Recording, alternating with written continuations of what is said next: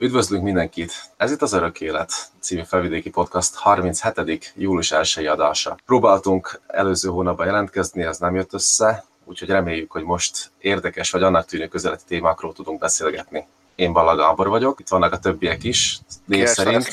Mészáros Attila. És Tokár Géza, sziasztok! Sziasztok! Szerintem nem úgy kéne felvezetni amúgy, hogy, hogy nem jött össze. Természetesen összejött, csak elveszett a felvétel, vagy valami hasonló, hogy sajnálni kell minket, Gábor. Ja, ja, vagy éppen amikor mentettem el az egész felvételt, akkor áramkiesés volt, és emiatt uh, nincs most jelenleg 38. adás. Felvettük az utóbbi évek legjobb adását, négy óra hosszú volt, és senki nem lihegett a mikrofonba. De sajnos elvaszott. És ezért kénytelenek vagyunk ismét meg megismételni a műsort, vagy pontosan annak a témáját.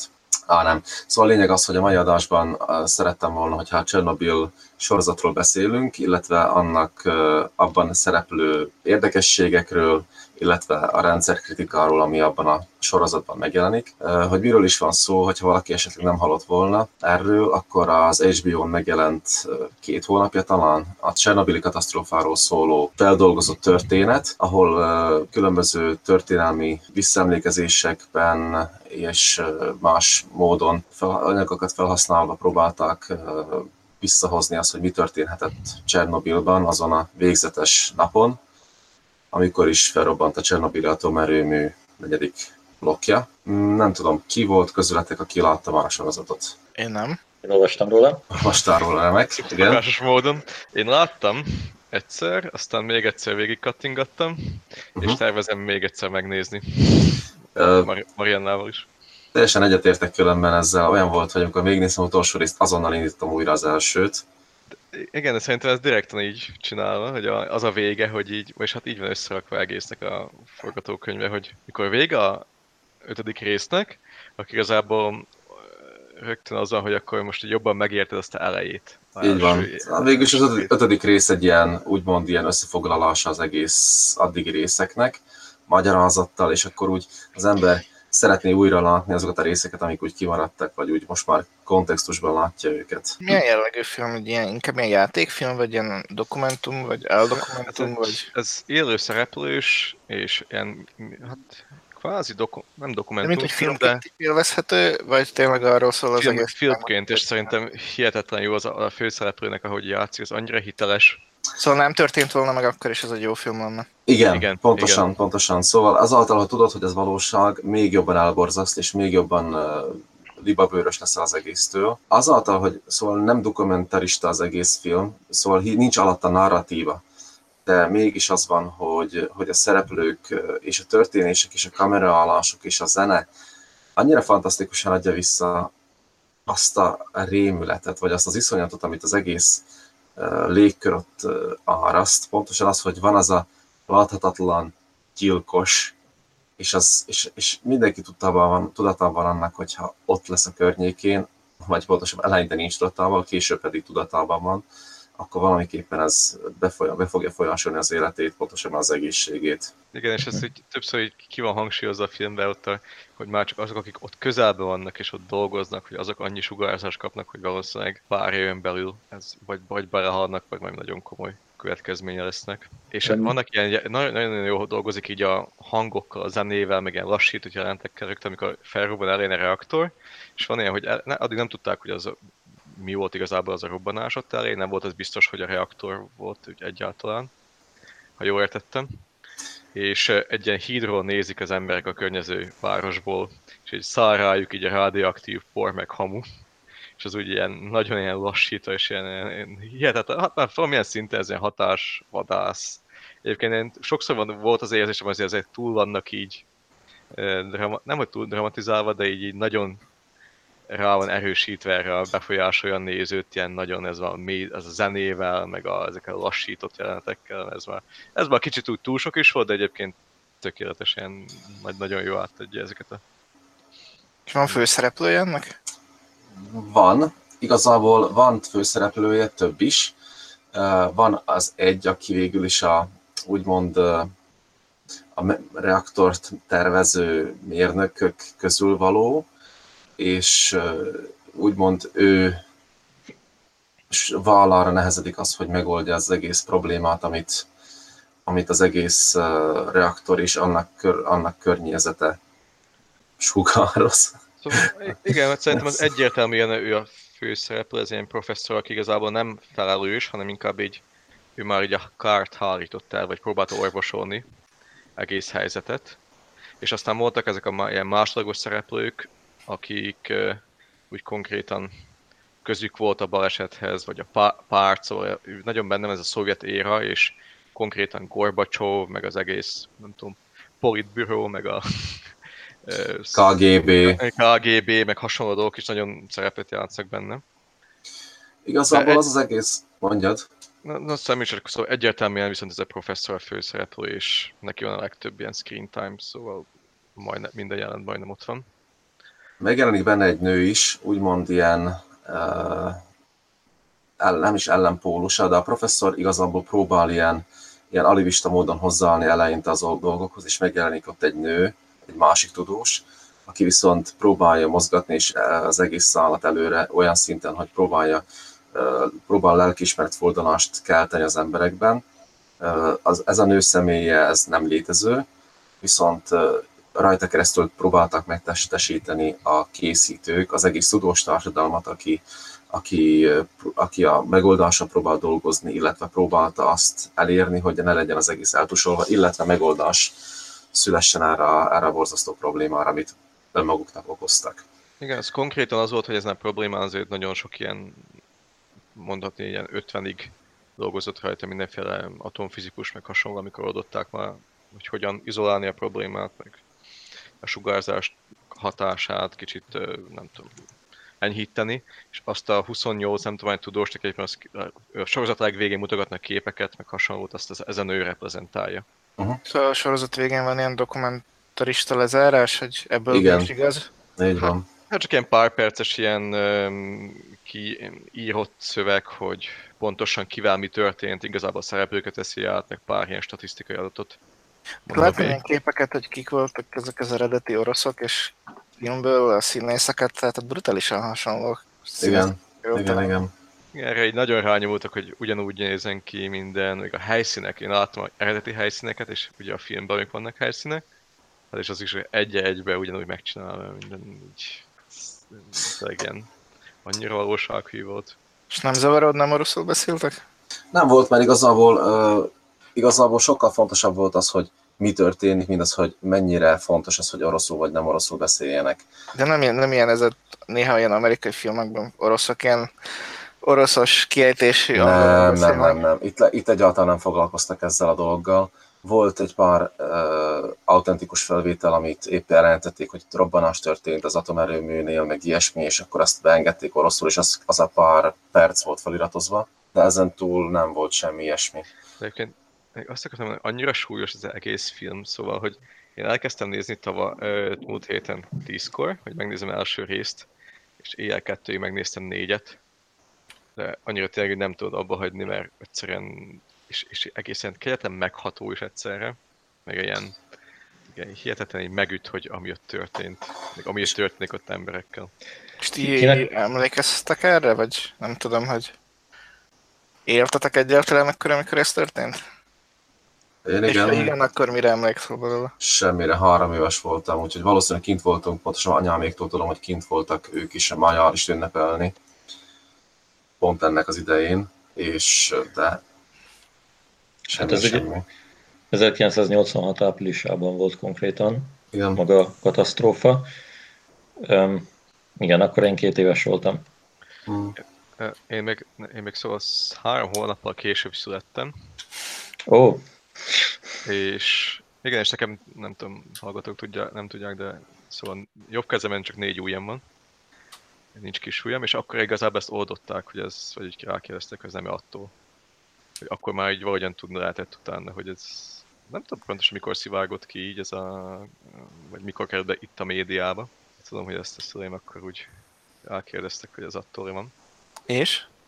És azt, azt állították, hogy nem. Hát ezt De természetesen. És mivel neked a, úgy de, genetikailag nincs az az ujjad, vagy? Nem, nekem, nekem ez olyan furcsán nőtt, ez ilyen egyik a, a hüvelykujjam nőtt rá. Hogy összenőtt a kis a hüvelykujjaddal? Igen, igen, és nekem volt is ott valami egy kis kis ujjam, csak az aztán úgy elkötötték. És eh, mint hogy akkor ez úgy téma volt, de egyébként nem valószínű tényleg, hogy azt állították, hogy az már akkor nem lehetett rá hatással.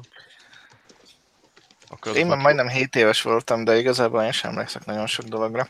De hogy valamire emlik, hogy meg egy után, nem, nem is biztos, hogy pont akkor, hanem egy utána lévő híradókból, hogy Csernobyl, meg volt valami robbanás, de Nem olvastad az interneten? inkább ez a, inkább ez a hangulat, hogy úgy valamennyire megmaradt, hogy akkor is már ezt úgy adták a tévébe, hogy úgy féltem tőle, de nem igazán értettem, hogy mi az. Igazából nekem a legdöbbentőbb része, mert ugye a Csernobili atomerőműről azért olvas az ember, meg megnézi, mert szerepel, mit tudom különböző játékhelyszínekben, meg én nem is tudom hol, meg vannak ilyen katasztrófa turizmusban résztvevő kollégák, akik jártak a helyszínen, de engem az döbbentett meg a legjobban, amikor kiderült, hogy, hogy nem is maga a robbanás, hanem az utána következő másodlagos robbanás lett volna a legpusztítóbb, ami végül is érhetetlenné tette volna az egész európai kontinenst. Szóval ez volt a egyik legdurvább felismerés, vagy ilyen információ számomra, ami a, ami a sorozatból lejött. Igen, ott az volt ott a lényeg, hogy hogyha mikor kezdett így a robbanásnál így leolvadni a reaktor, és ott alatta itt tele volt nagy mennyiségű vízzel a reaktor alatt, és az, hogyha egy leolvadt volna, és hirtelen az a, az a víz gőzé vált volna, vagy akkor az, az, és a plusz az a nyomás, az még szétvetette volna a maradék három reaktort is, még alapban szétszórta volna ezt a radioaktív anyagot valószínűleg nagyon nagy területen, meg a rádió... Pont, pontosítok, 200 kilométeres körzetben azonnal elpusztult volna minden, és Európa egész Csehszlovákiaig bezárólag 50 ezer évre lakatatlannal volt volna. Igen, de én aztán azt olvastam a Wikipédián, hogy ez viszont nem igaz, hogy, a, hogy ők úgy gondolták, hogy ott víz van, de viszont valójában nem volt víz. Uh-huh. Mert az a filmben is úgy ott van róla szó, hogy az a fő professzor az úgy gondolja, hogy azok a tartályok üresek, és a Wikipédián úgy, úgy írják, hogy ne, igazából ott volt benne víz, de nem volt annyi, hogy ez bekövetkezhetett volna. Illetve, hogy ez valószínűleg az nem lett volna akkora.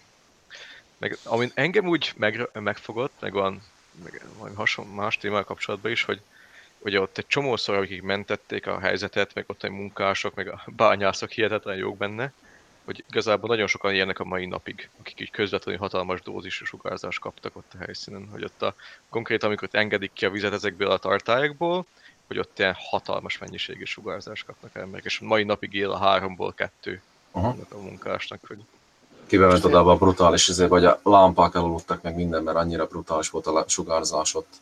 Még annyit tesznék hozzá, hogy, hogy találtam az interneten egy 1996-ban készült fényképet a kóriumról, ami az összeolvadt atommagnak, ez, ez ami végig is olvadt egyre jobban mélyebbre. Valami őrült bement és lefényképezte, amíg mindig sugárzó atommagot, vagy ezt a kóriumot, ami összeolvadt, és a fénykép is olyan volt, hogy, hogy egyszerűen az expozíció nem sikeredett teljesen tisztára, mert a, a sugárzás még egyszerűen tönkretette a filmet. Ki tudták hívni, de nem tudom, volt-e értelme, hogy ennyit kockáztasson a, a fényképező. Szóval a lényeg az, hogy már akkoriban 10 évre rá már csak 10%-a volt a, a kibocsátása annak a sugárzó anyagnak, ami, ami a robbanástól, robbanáskor volt de ennek ellenére még mindig egyszerűen az embereket annyira vonz ez a láthatatlan veszély, hogy képesek ilyen, ilyen borzasztó kockázatokat vállalni. A, ami viszont, ami nekem úgy kicsit úgy, no, nem tudom mit gondoljak igazából, hogy az ki volt élvezve a film vége, meg a legeleje, hogy a legeleje az úgy kezdődik, hogy a főszereplő már a baleset után két évvel játsza fel a ilyen emlék, nem iratait, Visszaemlékezéseket. visszaemlékezéseit, meg ilyen filozófiai ilyen ö, gondolatait ezzel kapcsolatban, és ö, igazából ők meghalt két évvel később, de mint öngyilkos lett. Uh-huh. És uh, igazából a film utolsó része az a per, amivel ítélik el a, a három fő ilyen mérnököt, aki igazából valamilyen szinten felelős a történtekért. És nagyon ki van hegyezve azért arra, hogy ez a Szovjetuniónak is a, igazából a analógiája, ahogy működött, teljesen ugye egész, hogy ö, a hazugságokon épült, és hogy Szóval ilyen párhuzamon volna azzal, hogy igazából ezek mérnökök nem tudtak az egy, egy design problémáról atomerőből vagy a reaktorban, amit később javítottak a 90-es években. És hogy igazából ez egész annak az eredménye, hogy a, a hazugsága a Szovjetuniónak. Igen, szóval egyszerűen az, hogy a rendszer spórolni akart, és nem akarta, nem akarta egyáltalán megengedni azt a nézetet sem, hogy a rendszer valamiben tévedhet, ezáltal képes volt bármire. Igen, igen ott, ott konkrétan eltüntettek oldalakat olyan jelentésekből, amik jelentették ezt a problémát, és ezek a mérnökök nem kapták meg, nem tudtak egyáltalán róla, hogy ott a, amikor a bor, rudakat... Igazából az volt, hogy grafit, a grafit hegy volt a probléma, hogy annak kellett volna szolgálnia, hogy a, hogy a, a szabályzó rudak, amikor leesnek az atommagba és, és leállítják a reakciót, azoknak a szabályzó rudak elején grafit volt, és az viszont teljesen ellentétes reakciót váltott ki, mint ahogy ezt számoltak, és ezt nem mondták el nekik. Szóval a film elején az ember tudja, hogy Csernobyl megtörtént, és tudja azt, hogy kb. kik azok a, a, a hibás dolgozók, akik miatt ez megtörtént. Viszont az egész sorozatban az arra kerül rá a, a, a kamera, vagy arra, arra összpontosít rá az egész, hogy nem volt esélyük jól csinálni az egészet, mert egyszerűen tényleg hibás információkkal dolgoztak. Amint, hogy ő, ja, hát ez azért nem teljesen, szóval az volt a lényeg, hogy mindig ott volt az a utolsó, arra számítottak, mindig volt az a utolsó mencsvár, hogy, hogy egész reakciót, egy gomb van a összes atomreaktor világon, azt megnyomják, és akkor leállott a reakció. Csak ott volt, egy, itt volt egy ezzel a gondolt, ezzel a gombbal, meg ennél egész szerkezettel, meg egész folyamata, hogy nem működött ez jól, ebbe volt egy ilyen uh, probléma, design probléma az elállítással és ez miatt, ez is igazából ez hozzájárult nagyban egész balesethez. És igazából ezt a, a, húzzák rá így azért egy egész Szovjetunióra, hogy valahogyan a párhuzamba, hogy igen, hogy annyira egymásnak hazudunk, és itt ez a minden probléma, egy nagy, problémák nagy forrása. De valahol ez még itt folytatódik a mai napig pont ezzel, hogy nem is nagyon tetszik most a jelenlegi Oroszországnak a, ez a sorozat, ha jól tudom. Így van, valami sajátot akarnak leforgatni. Ja, igen, ahol az egész valami beszivárgó CIA és ügynök miatt robban fel végül, vagy valamilyen igen, igen, igen, igen. abszurd de, de minden esetre érdekes, hogy mennyire még mennyire folytatódik ez a régi Szovjetunió mai napig. Igen, ott van végül is bennünk mindannyiunkban, ahogy ha ilyen 80-as évek környékén születtünk, akkor valamilyen szinten azért még érezhettük a szocializmust, még ha csak óvodásként, meg kisiskolásként is, de azért vannak rá emlékeink. Tíz, tíz filléres fagyi. Nektek mi az emléketek? Szóval, hogyha van valami kézzelfogható emlék, mondjuk ugye a Laci a legidősebb, neki gondolom több van, több van, de én arra úgy kimondottan kíváncsi lennék, hogy a ez, ez, érdekes, ez, hogy... ez, ez érdekes, hogy nagyon sokan egy pozitívan gondolnak vissza, és ennek valahogy megvan a pszichológiája, és már eleve egy jobb dolgokra szívesebben emlékezünk, meg meg a mostani dolgokból inkább rosszat, de én nem nagyon, amennyire én emlékszek, hát én 79-es születésű vagyok, szóval 10, 10 évet éltem, 89-ben volt a váltás, és amennyire én emlékszek, az itt nem volt itt olyan nagyon jó dolog. Szóval nem tudom, vagy csak nálam nem működik ez a nosztalgia, mert még túl fiatal voltam.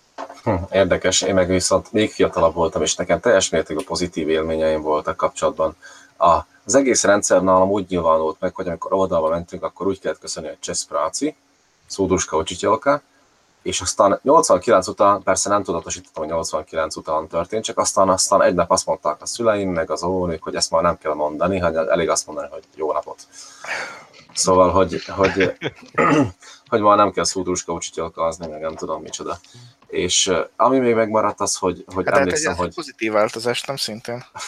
Nem, teljesen mindegy volt, mit köszönök.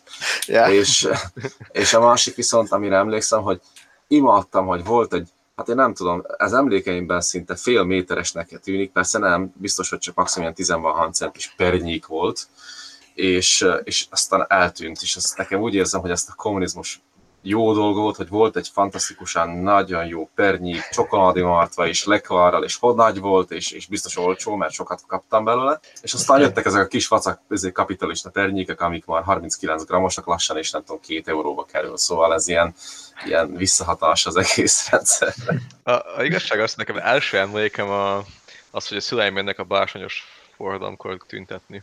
Szóval semmi más, akkor voltam három éves, és igazából arra emlékszem, az olyan nagyon csúnya este volt, és vagy nekem úgy jött le, hogy ilyen És otthon hagytak? És igen, engem ott hagytak a nagyszüleimnél, és, és mentek a Roskodával, nem tudom hova, azt hiszem Pozsonyba.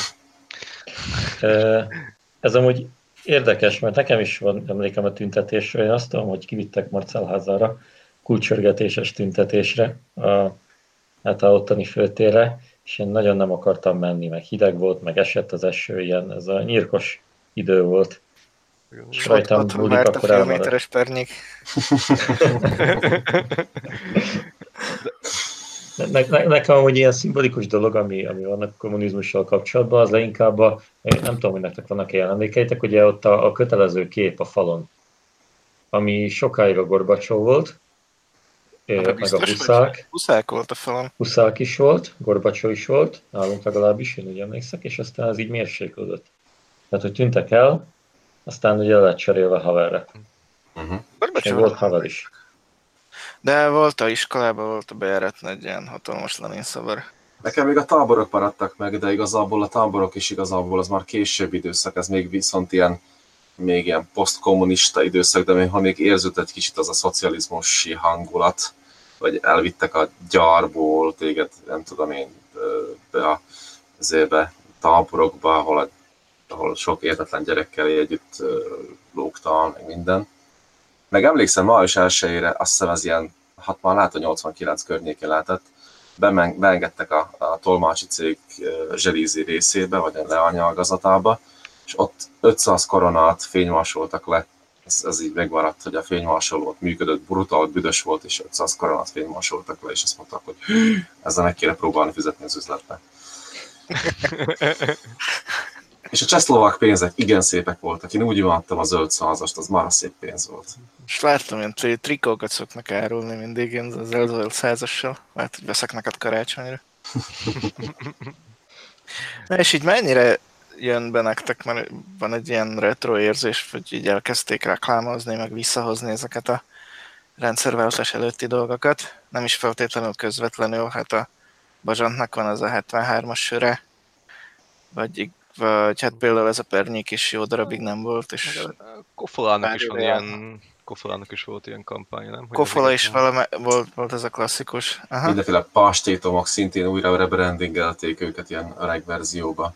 De, de valahogy, nekem volt olyan érzés azért, ez, nem tűnt el hirtelen, szóval 89 után azért az lassabb folyamat volt, még ezek a dolgok így eltűntek a piacról, meg nem tudom. Jó, de, jó, de volt, volt, ott egy ilyen, volt ott egy ilyen folyamat, hogy kicsit hogy nyitottunk nyugat felé, eleve minden, ami onnan jött, az úgy jobbnak tűnt, és valahogy úgy eltűntek az itteni dolgok, ha nem is, nem is egyik napra a másikra. Tény. Pedro, Pedro rágógumi. A fú bizony, amit rakta a két, nem tudom, háromszor, négyszer megrakta, és már nem is volt se íze, már csak a gumit raktad magad. És de voltak benne ilyen, ilyen kis képregények. Ilyen négy kockás, vagy az nem az volt? Lehet, De, de az volt. aztán megjött be Ausztriából a Night Rider rágógumi. És ott voltak ilyen, nem tudom én, 100 vagy 200 különböző Night Rider büntapadó matrica, ami... Az már a kapitalizmus. Igen, igen, hát Átcsúszunk a rendszerváltáson, igen. így nyomta ki a David Hasselhoff. Igazából szerintem sokszor az van, hogy a, a régi csehszlovák filmeken keresztül láthattuk, vagyis gondoltuk, hogy láttuk, hogy milyen volt a rendszer, és mi alatt azokban a filmekben eléggé ugye rendszerkritika nem jelenhetett meg, mindenki ilyen kedélyes, jó, özé, lassú, ilyen boldog békeidők, ahogy szoktak visszaemlékezni erre eleink. Ezek sokat szerintem javítottak a renoméján a rendszernek. Szóval az, hogy megnézel egy csehszlovák filmet, Príserkis druhého poschodja, vagy nem tudom, bármi, amit, amit gyerekkorokból fel tudsz idézni, ott, ott úgy érzed, hogy ez a gyerekkor az, az olyan tökéletes lehetett, mert bárkit elengedtek az utcán, bárhova, közbiztonság fantasztikus volt. Nem- jó, igazából a gyerekkor az még nem is feltétlenül volt olyan rossz. Ott, akkor kezdődtek a dolgok, mikor úgy elkezdték gondolkodni. Mármint, hogy igen, a de hát egy- igen. De hát egy három-négy éves gyerekként a utcán az úgy faszán el volt akkor is úgy, mint most. Talán még tényleg jobban akkor, mert nem voltak a telefonok, meg összes többi kapitalista dolgok, csak problémák akkor jelentek meg, mikor Elkezdted érezni a ko- korlátait ennek a rendszernek, és ezért nem kellett az olyan nagyon nagyra nőni, hogy ilyen 18 éves korig, hanem azért hamarabb belejöttek. Nem tudom, amit én mindig amúgy eszembe ez a stressz faktor, ami úgy biztos, hogy rosszabb most, hogy a, állam garantálta azt, hogy mindig van munkád, és hogyha tényleg nem akartál, egy megelégettél abban, hogy te egy egyszerű munkás ember vagy, vagy valami, akkor neked ez így, és az ült, akkor biztos, hogy ez egy ilyen ö, nyugodtabb életet jelentett, vagy nem tudom. Ezt Szerintem a legnagyobb probléma, szerintem a legnagyobb probléma ezzel a rendszerrel pont az a mentalitás volt, amit kisminyomszor hallottatok ti is, meg más is, mégpedig, hogy ha nem lopsz, akkor a családod lopod meg. Szóval hogy egyszerűen a rendszer úgy volt építve, hogy, hogy ami, amit nem kapsz meg legális úton, azt megkapod más módon, és azt úgy mindenki elnéz emellett. Szóval, hogy besukja a szemét, illetve mert ő is azt csinálja otthon. Ez a ügyeskedés? Nem csak az ügyeskedés, én emlékszem, hogy öreg apámnak volt, nem tudom én, több ezer csa, ezért, szög, csavar, minden, ami a, nem tudom én kellett, az bid volt, szóval azt mondtad, hogy kell kassa, ott van három. Akkor azt mondtad, hogy kell, nem tudom én, mit tudom én, dióda, hegesztő, ott van százezer, érted? Jobbra van rá, most húzok, de úgy ilyen bőség zavarra emlékszek én gyerekkoromból, amikor visszagondolok, hogy mi mindenem volt a nagyszüleimnek, és, és szerintem a legtöbb dolgot ugye nem vették rá, egyszerűen mindenki úgy érezte, hogy ez közös, és akkor vitt, amit gondolt haza belőle. Hát ez a kommunizmus alapja. Ez egyik a kommunizmus, kommunizmus hét csodájának.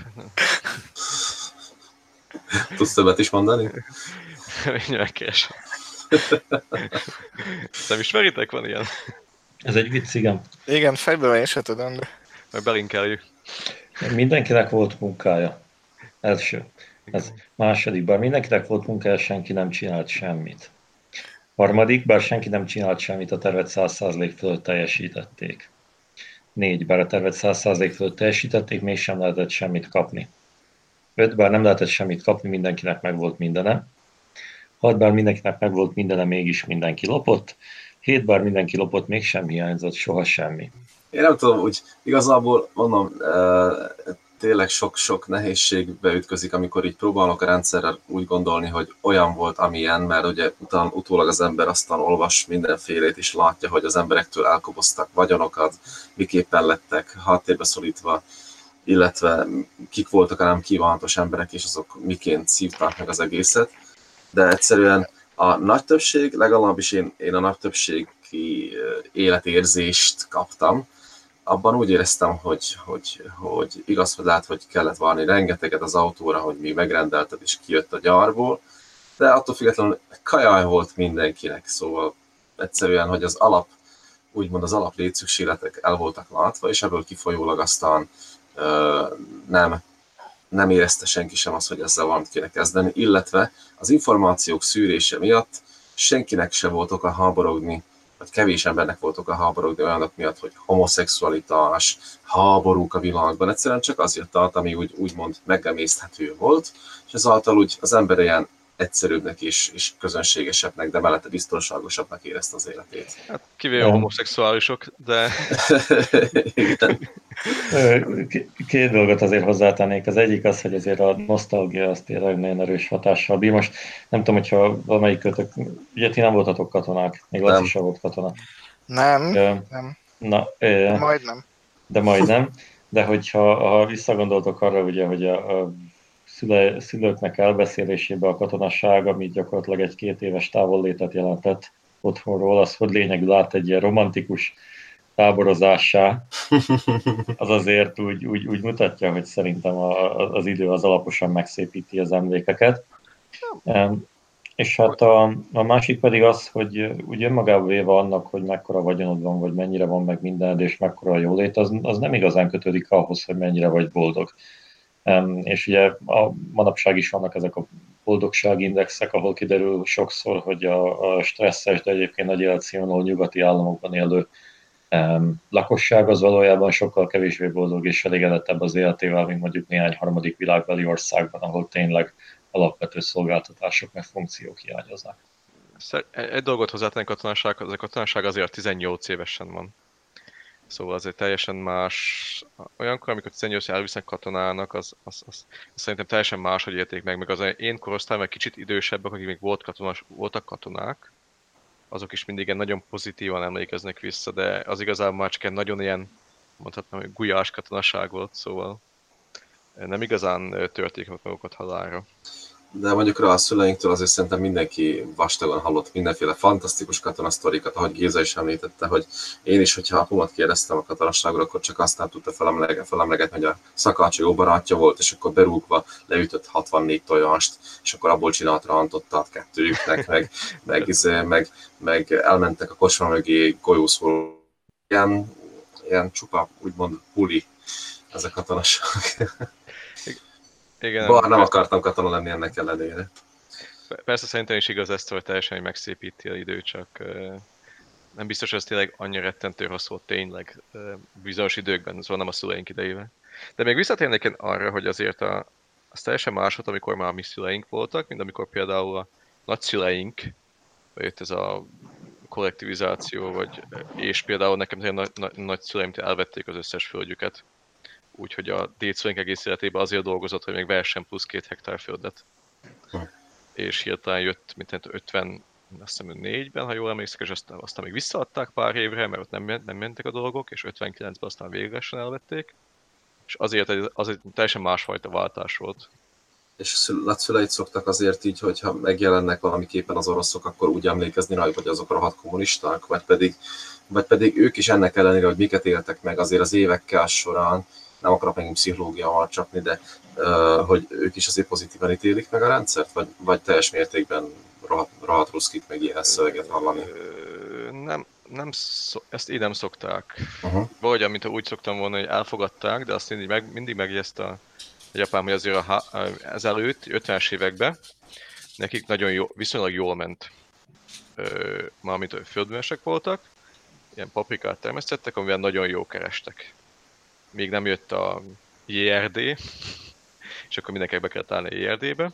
Szóval magának a családnak jobban ment azért azt, hogy mindig, mindig ki szokták hangsúlyozni, még nem volt, nem volt a kommunizmus. Vagy nem, volt, hmm. nem voltak a JRD-k, vagy nem volt ez a rendszer. Él valamelyik őtök, Laci Géza, nagyszülőtök, aki szokott így nyilatkozni ilyen kritikusabban a rendszerről? Nem, nem. Hát annyira nem. Hát megjegyezték, hogy a Marcellázi stadion az félig a mi földünkön épült. Hmm. A kertünk végében van. Aha. Akkor ezért vagy te ilyen foci rajongó? Hát nem vagyok kimondottan foci rajongó már egy ideje, de, de Kirakod nem, nem, nem hinném, hogy a kert végébe és nézed a meccset, nem? Nem, ez egy kis túlzás, de mármint, hogy modéban kicsit a stadion, mint a kertünk, de állítólag tényleg a kertünk végében vannak a stadion. Szóval ilyen kis felcsút van Marcel Hazan neked, ugye? Sokkal jobban örültél, hogyha a kosárlabda pálya van, és nem foci pálya, gondolom. Abszolút, csak hát nem voltak ilyen progresszívak ezek a kommunista települések, hogy kosárpályákat építgettek volna mindenhol. Ezek a multifunkciós sportpályák, amik most elterjedtek, ezek, ezek akkor még nem, terjed, nem terjedtek. Hát igen, ez a hanyató nyugat ópium, de akkor nem volt ilyen szükség. Visszatérve, visszatérve, ha csak nincs hozzá valakinek még ehhez hozzáfűzni valója, még szerettem volna rákötni erre a Csernobili sorozatra azt, hogy, hogy egyszerűen volt egy ilyen momentum benne, amikor megpróbáltak a, az erősen brutális radioaktív szennyeződés, grafit darabokat, nem tudom, visszalölökni a tetőről, hogy valamit el tudjanak kezdeni. És Németországból vagy Ausztriából kaptak berendezést, ami bedöglött abban a momentumban, hogy elindították is. És egyszerűen kiderült, hogy azért döglött be, mert a Szovjetunió nem volt hajlandó beismerni, hogy mekkora radiációról van szó, mit kéne elviselni annak a gépnek, és az, az, az a gép egyszerűen nem volt arra tervezve, amit ők bevallottak. És ugye vissza akartam térni egy kicsit az alhír terjesztésre. Szóval, hogy ha az ember belolvas, vagy kicsit jobban figyel a médiában, akkor elég gyakran lőjön az, hogy, hogy az Oroszországban még mindig úgymond tradíciója van az alhírgyártásnak, nem is akár milyen államilag foglalkoztatott emberek, cégek, vállalatok vannak, ahol, ahol egyszerűen profin módon, profin módon folyik az alhírgyártás különböző platformokra, mint a Facebook, különböző ilyen oldalak indulnak, és különböző célt szolgálnak, nem csak, nem csak, ki, nem csak Oroszország, hanem Kína is, és feltételezem a nyugat, nyugat sem ártatlan ebben a dologban, de a leg, legnyilvánvalóbban ezt az Oroszország csinálja. Mi a véleményetek erről?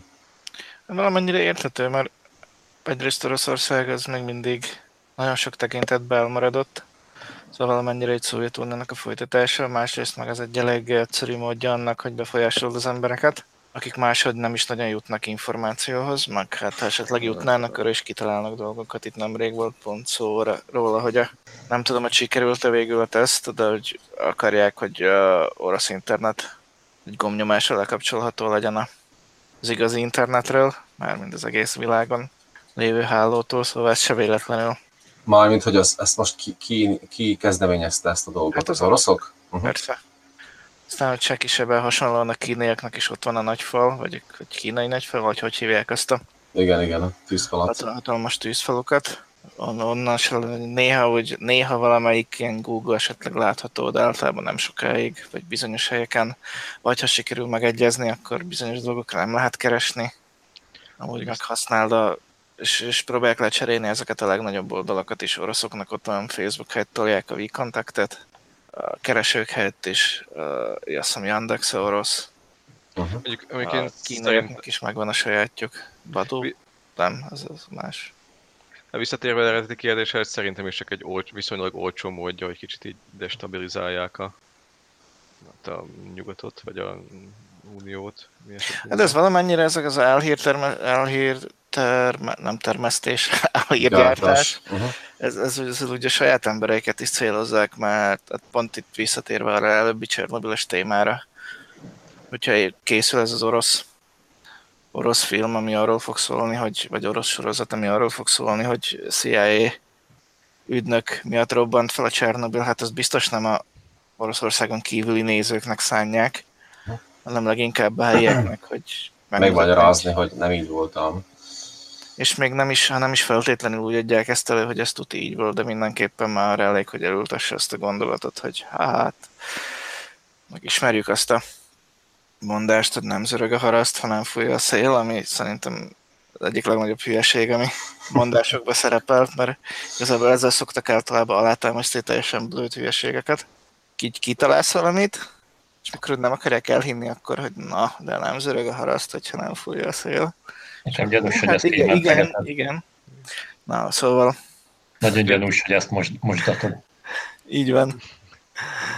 Miért csinálod ezt, Laci? Uh, annyit akartam még hozzátenni ez a dologhoz, hogy, hogy uh, olvastam a minap az Indexen, hogy ilyen elég, elég érdes szokatlan címmel volt egy, uh, is egy cikk. Az volt a címe, hogy Lenin egy gomba, nem tudom melyikőtök olvasta. Gomba? Igen. Én csak a cím. Ja, igen, igen, emlékszek rá. és állítólag arról szó, pontosabban a cikkben arról, arról volt szó, ha nem tévedek, hogy 91-ben megjelent egy úgymond ilyen al dokumentum arról, hogy Hitler, Hitler, Lenin rengeteget nem tudom, drogozott, vagy ilyen gombákon élt, és akkor az valamiképpen az egész szervezetére kihagyott, sőt, ilyen borzasztó marhaságokat is összehoztak a képernyőn, hogy a Lenint védő páncélozott kocsi végül is hasonlít a gombafonalakra, hogy a földbe van benne, és akkor ez egyszerűen rengetegen elhitték, mert 91-ben jött ki, amikor már ugye a rezsim nem volt ennyire éles, vagy ennyire nem volt hatása a cenzúrára, és mindenki megdöbbent, hogy az állami tévén egy ilyen haraság lement, és akkor el is hitték sokan, hogy egyszerűen valamiképpen gombalval volt Lenin, mert egyszerűen egy állami tévében ment le ez, és akkor ugye az embereknek az volt benne, hogy az állami tévében megy, akkor valószínűleg igaz. Úgyhogy ez az információ ellenőrzés, ez teljesen mellékes volt, és az a baj, hogy, hogy ez a generáció, nem akarom azt mondani, hogy a szüleink, de de mégis az 50-es, 60-as, illetve fölötte lévő generációk nem szokása, nem volt szokása, illetve ö, nem volt lehetősége sem megkérdőjelezni azokat az adatokat, amit tévében, rádióban, újságban olvastak. Eszembe jutott, hogy valamikor szintén így még a... Az azt hiszem, hogy már rendszerváltás után kezdtek elszaporodni ezek a, például az a nulladik típusú találkozások, az van nektek valamit? Hogyne, hogyne, sőt a Deniken, meg a nem tudom, ezek a marasságok. Brutális hülyeségek mint egy teljesen ilyen abszurd, ilyen önmagának ellentmondó, hogy egyik cikk így arról szólt, hogy a ufók azok ilyen kicsik és fehérek, másik az az, hogy nagyok és zöldek, és az se zavarta őket, hát nem csak úgy általában nem nincs értelme, de még Jó. saját, mag, saját maguknak is ellentmondanak minden második hírbe, és az emberek meg úgy benyelték, mert hogy hát ezt a tévé adta, ez, ez biztos így van. Én azt hittem, hogy ez egy általánosan elfogadott tény, hogy vannak a magas szőkék, meg a szürkék, és ők háborúznak egymással. Igen, Ja. Erről- Astár, Astár Serán fogja minket megvédeni ellenük. Erről szürkékről azt már említettem, hogy van ez a versgyűjtemény. Igen, a igen. Magyar, magyar, magyar, irodalomban, magyar igen. irodalomban, hogy milyen gyakran szerepelnek a szürkék, és hogy ez, ez, ez nem lehet már véletlen. De biztosan volt, voltak ilyen, ilyen, ilyen elterjedtebb videók, és mindez a klasszikus UFO boncolás néven futott, amikor egy ilyen állítólag Amerikából az zuhant UFO-nak a nagyszemű pilótáját boncolták, és A Roosevelt-i 47-es UFO baleset. és, és ilyen dolgokat ott teljesen hát a tévé adta, és, és másrészt meg nagyon rossz a minősége, úgyhogy biztos el akarták titkolni, ami még jobban alátámasztja azt, hogy valószínűleg igaz. Kiolvasott, kiolvasott színes UFO-t vagy UFO magazint közületek. Én már láttam, én láttam ilyet, na. Komáromban nyomtatták hozzánk, jártak a példányok folyamatosan. Uh-huh. Ingyen kaptuk. A nyomdai dolgozókon keresztül.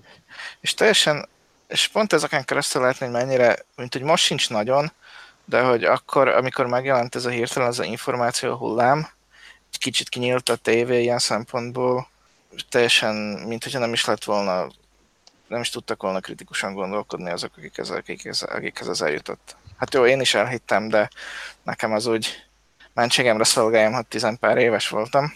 Igazából az van, hogy tényleg ez a probléma, hogy, hogy, el, hogy az emberek még egy, egy bizonyos generációja, illetve bizonyos rétege, te- tényleg hisz még annak, elhisz bármit uh, abból, ami a tévében, rádióban, újságban le van írva, az általuk olvasott és vásárolt újságban le van írva, és nem szokták meg azt, hogy egy új információ, ami teljes mértékben, hogyha valami megfelel a világnézetüknek, akkor egyszerűen elhiszik úgy, ahogy van, mert az jó esik nekik, és nem szokták meg azt, hogy kétségbe vonjanak információkat.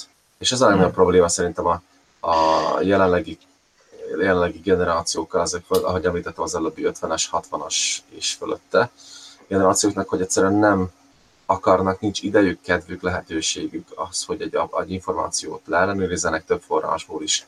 Nekem egyetemen az első órámon a tanárom azt mondta, azt mondta nekünk, hogy egyrészt ne higgyünk a, tanárai, ne higgyünk a tanárainknak, amivel azt akarta sugalni, hogy mi is járunk utána a dolgoknak. A második kijelentés pedig az volt, hogy egy forrás nem forrás, szóval, hogy egyszerűen nem lehet annak számítani be, valamit, amit csak egy helyről kaptunk meg. Több, több helyről is alá kell támasztatni az az információt, hogy, hogy valamiképpen valamilyen közelségbe kerüljünk az a teljes igazsághoz. Hát ez valahol egy kutatásban is benne van, hogy egy, egy kutatás nem kutatás, hanem ott a meta-analíziseknek kezdődik. Igazából az, hogy már valamit levonhatsz belőle. Aztán szerintem vannak olyan területek, ahol nehéz objektív képet úgy egyáltalán kapni, vagy egyáltalán nem is létezik olyan for, egy forrás. De van ilyen podcast, hogy a Skeptikus Hangadó, párszor nektek küldtem, és ott volt pár beszélgetés ilyen nagyon nagy magas ilyen ö, állami cégekben ülő ilyen gyógyszerészetet, meg gyógyszerkutatást ellenőrző ö, ilyen fickókkal, ilyen előadásra meghívva, meg ilyen beszélgetésre, és ilyen tök, az nagyon, nagyon érdemesen belinkeljük, hogy végighallgatni, hogy tényleg mennyire összetett ez a világ, ez a big pharma, és hogy tényleg vannak azért az a, az a negatív példák, amikor tényleg tudatosan voltak ott nem publikálva, meg nem nyilvánosságra ö, kutatások, amik egyetlen bebizonyították, hogy a gyógyszer, de, de viszont a 98%-ban ez nem igaz, szóval, hogy tényleg jól, viszonylag jól működik a rendszer, illetve időben ez hogy változik, és szóval nem vagy benne ebbe teljesen, nekem jóformán csak egy nagyon halvány képed van arról tényleg, hogy, hogy, hogy működnek a dolgok ezekben a rendszerekben. Amúgy szkeptikus hangtára neve, Ah, igen. és most pont az előbb hallgattam, az utol, még nem is hallgattam végig, de az utolsó része a probiotikumokról és antibiotikumokról szól, és elég durva dolgok vannak benne, úgyhogy igen, igen, én is hallgattam, nagyon jó. Az, az hiszem, szintén. hogy És, és... belinkeljük. és azért jó ez a podcast, mert mindig ezek az aktuál, minden évben, ami van ilyen pár ilyen aktuális téma, arról meghívják a magyar szakembereket, akik tényleg ilyen viszonylag irreleváns, és hát hozzáértőek, és elmondják, hogy igazából hogy elmondják, hogy tényleg hogy van, és tényleg érdemes meghallgatni őket. Hát néha vannak olyan témák, hogy nyugodtabban elszól, hogyha nem tudod, hogy hogy van. Mi a helyzet a ti tapasztalatokkal? Az van, van a Facebook oldalatokon ilyen álhír, amiről egyszerűen tudtátok, hogy ez álhír, vagy pedig vannak ismerősökök, akik ilyeket terjesztenek? I- igen. Nagyon sok. Nem, mint hogy eléggé, mint hogy én, én a Facebookot leginkább arra használom, hogy különböző területeken, amik érdekelnek, kapcsolatot tartsak emberekkel, szóval nagyon sok olyan ember van ott a falamon, aki alapvetően teljesen másképp gondolkodik, mint én. Szóval nem, nálam annyira nem működik ez a buborék, hogy csak a közeli barátaim írják azt, amit én szeretnék olvasni, és iszonyatos dolgokat osztanak meg. Hm. És milyen jellegűek a megosztások? Szóval mi az, ami a legtöbbször fölvetődik a hírgyártás témáján? Hát a elég gyakran ez a ezoterikus vonal, uh-huh. illetve a politikai vonal. Ez a kettő. Nekem volt pár ismerősöm, akik még jöttek ezek a konspirációs elméletek, és nagyon rákattantak. És azt pedig az már voltak ott ezen nagyon egyértelmű hülyeségek. Igen, ezt aztán olyan nehéz ezekkel néhogy érvelni. Vagy akkor, hogy nem tudtam. Mindig, hogy el, el, először beszélgetni, és tényleg most most a, hogy bizonyította azt, hogy a chemtrail az egy baromság? Oké, okay, azon kijöttek, hogy nem doesn't, doesn't make sense, szóval nem... Nincs értelme. Se, nincs értelme se, se fele, se farka. De úgy, tudod, igazából ezt neki kéne vagyon igazolni, vagy... Na de igen, az, ezek, ezek alapvető dolgok, hogy, hogyha hiányzik, a, hiányzik ez az elmélet ennek az egész bizonyítási folyamatnak, tehát olyan dolgok, hogyha valamit te állítasz, akkor igazából a te oldalandon van a bizonyítási kényszer. Igen. Ami egy eléggé alapvető dolog a vitában. Illetve, hogyha valamilyen állításra hozol egy olyan péld, ellenpéldát, akkor az ugye az bizonyítja, hogy az adott állítás nem igaz. Igen, igen, csak itt ez az alap, alapvető feltételezés, hogy ezt úgy csinálják az emberek, hogy ne lehessen bizonyítani, mert akkor ugye bár mindenki hirtelen rájönne is. De egyébként erről is egy nagyon jó dolog, hogy működik ezek a pszichológiája, már amit emberek, akik ezt elhiszik, és többnyire hol vannak itt a nagy, nagy logikai buktatók, szóval, hogy ez hogy képesek például ennyi tömegek, igazából sokan, többen kell, hogy részt vegyenek ilyen összeesküvés elméletben, és igazából azon nem nagyon lehetséges, hogy annyian ennyire tudják tartani a szájukat. Ez egy logikus válasz, de én nem nagyon tudok arra, hogy valaki tud sikerült volna meggyőzni, hogy ide figyelj, ezért és ezért és ezért és ezért hülyeség, amit állítasz, és akkor azt mondja, hogy hm, tényleg. Igen, szóval sokszor ez a gond ezekkel emberekkel, hogy sokszor igazából ők akarnak maguk hinni, akarnak benne. Szóval... Nem, is, nem is igazán érdekeltek benne, hogy megtudjanak más valóságot. Nem, erre, erre olvastam szintén, hogy ez, ez egyrészt ez bennünk van egy ilyen félelem a ismeretlentől, és attól, hogy ö, attól, hogy nincs, nincs értelme eleve annak a, a dolgoknak körülöttünk, hát valójában vallások is így alakultak ki, hogy próbáltak értelmet adni a körülöttünk lévő dolgoknak, és valójában sokkal inkább megjutatja az embert egy olyan tudat, hogy igen, van itt egy nagy, mit tudom én, New World Order, vagy valami, vagy valamilyen csoport, vagy egy ember, aki úgy irányítja a háttérből a dolgokat, és igaz, hogy ez nekem rossz dolgokat csinál, de legalább megvan az az érzés, hogy Aha, igen, véletlen, nem csak véletlen az, ami velem történik, és tényleg vezet valahova az életem, és... Igen. A másik dolog viszont sokkal nagyon szörnyű, hogy ez, ez benne van így a hétköznapi politikában, nem, hogy a, or, nem tudom, Orbán elmegy Brüssz, Brüsszelbe, mert ott Brüsszel diktál, és nem tudom, ez, ez is valamilyen szinten egy ilyen összeesküvés elmélet eh, light, könnyedebb verziója, hogy igazán meg kell minket menteni itt a gonosz nyugattól. Nekem van olyan érzésem néha. Hát vannak, vannak dolgok, amiben az emberek könnyebben hisznek pont ez miatt. Ez, ez egy érdekes, érdekes dolog meg, hogy hogy alakultak, valamennyire összefügg ez azzal, hogy hogy alakultak ki a vallások is, és valamennyire ez pont, hogy akkor még, mikor még ilyen bunkokkal vadásztunk mamutokra, vagy nem tudom.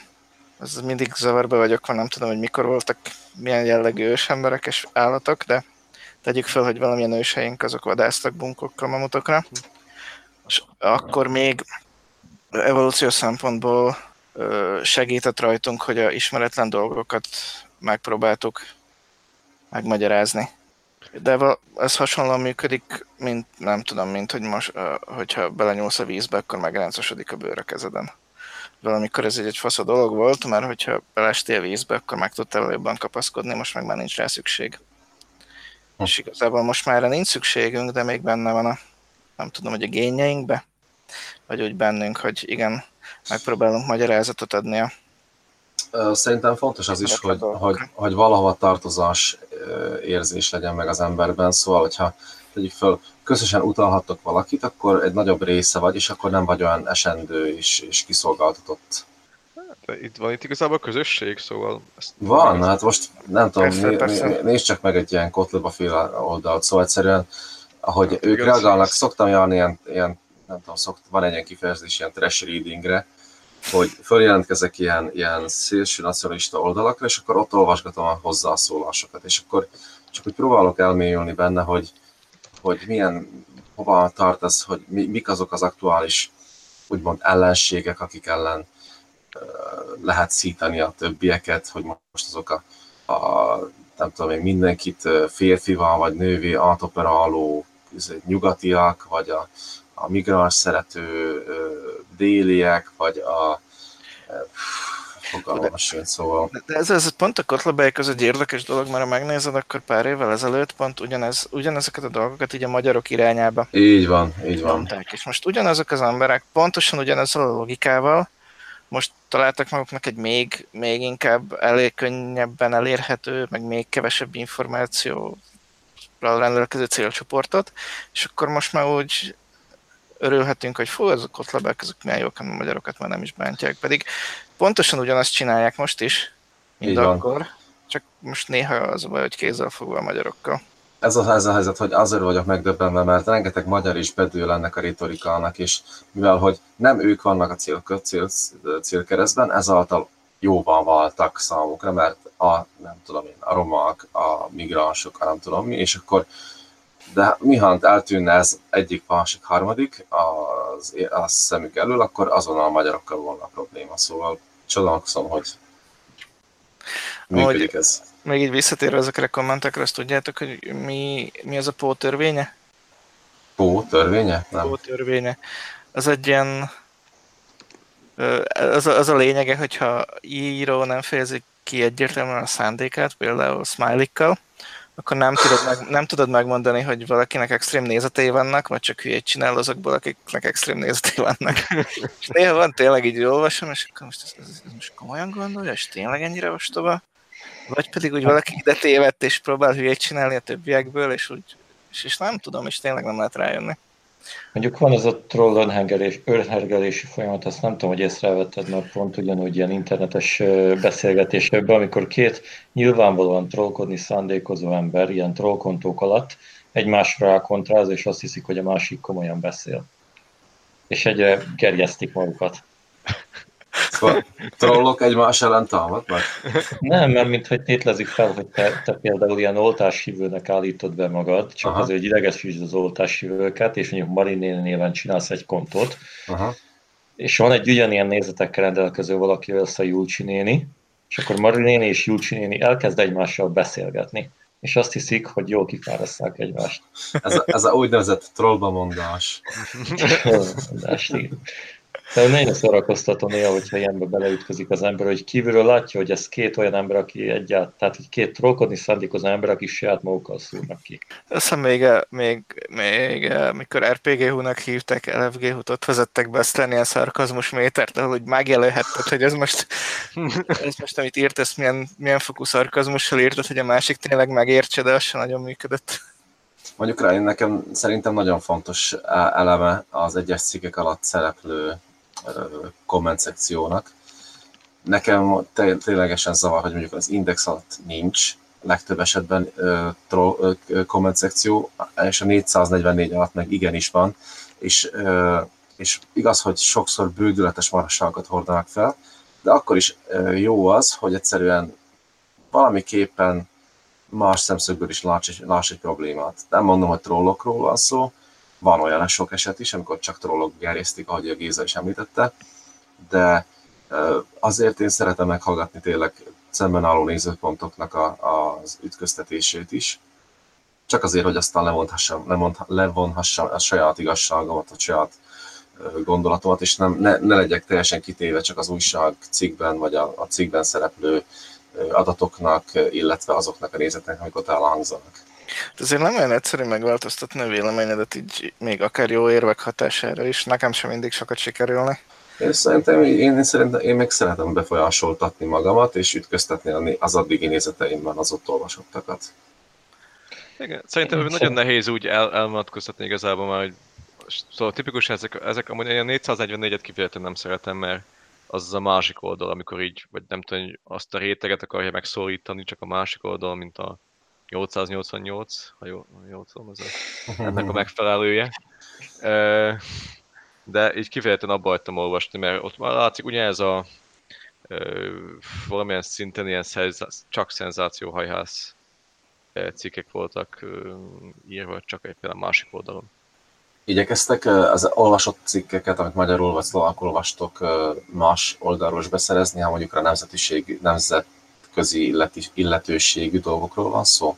Vagy próbáltak megnézni mondjuk a Guardian-en, Times-on, stb. stb. hogy mi ott a vélemény erről az egész témáról? Hát szerintem hogy úgymond objektivitásban egyáltalán nem jobb, meg nem rosszabb a külföldi közeg, mint a magyar, vagy a szlovák. Én nem így szoktam csinálni, hogyha vannak ilyen kivonatos cikkek, vagy ilyen kivonat, valahonnan máshonnan számlézve, akkor inkább rögtön átkattintok eredeti írásra. Uh-huh.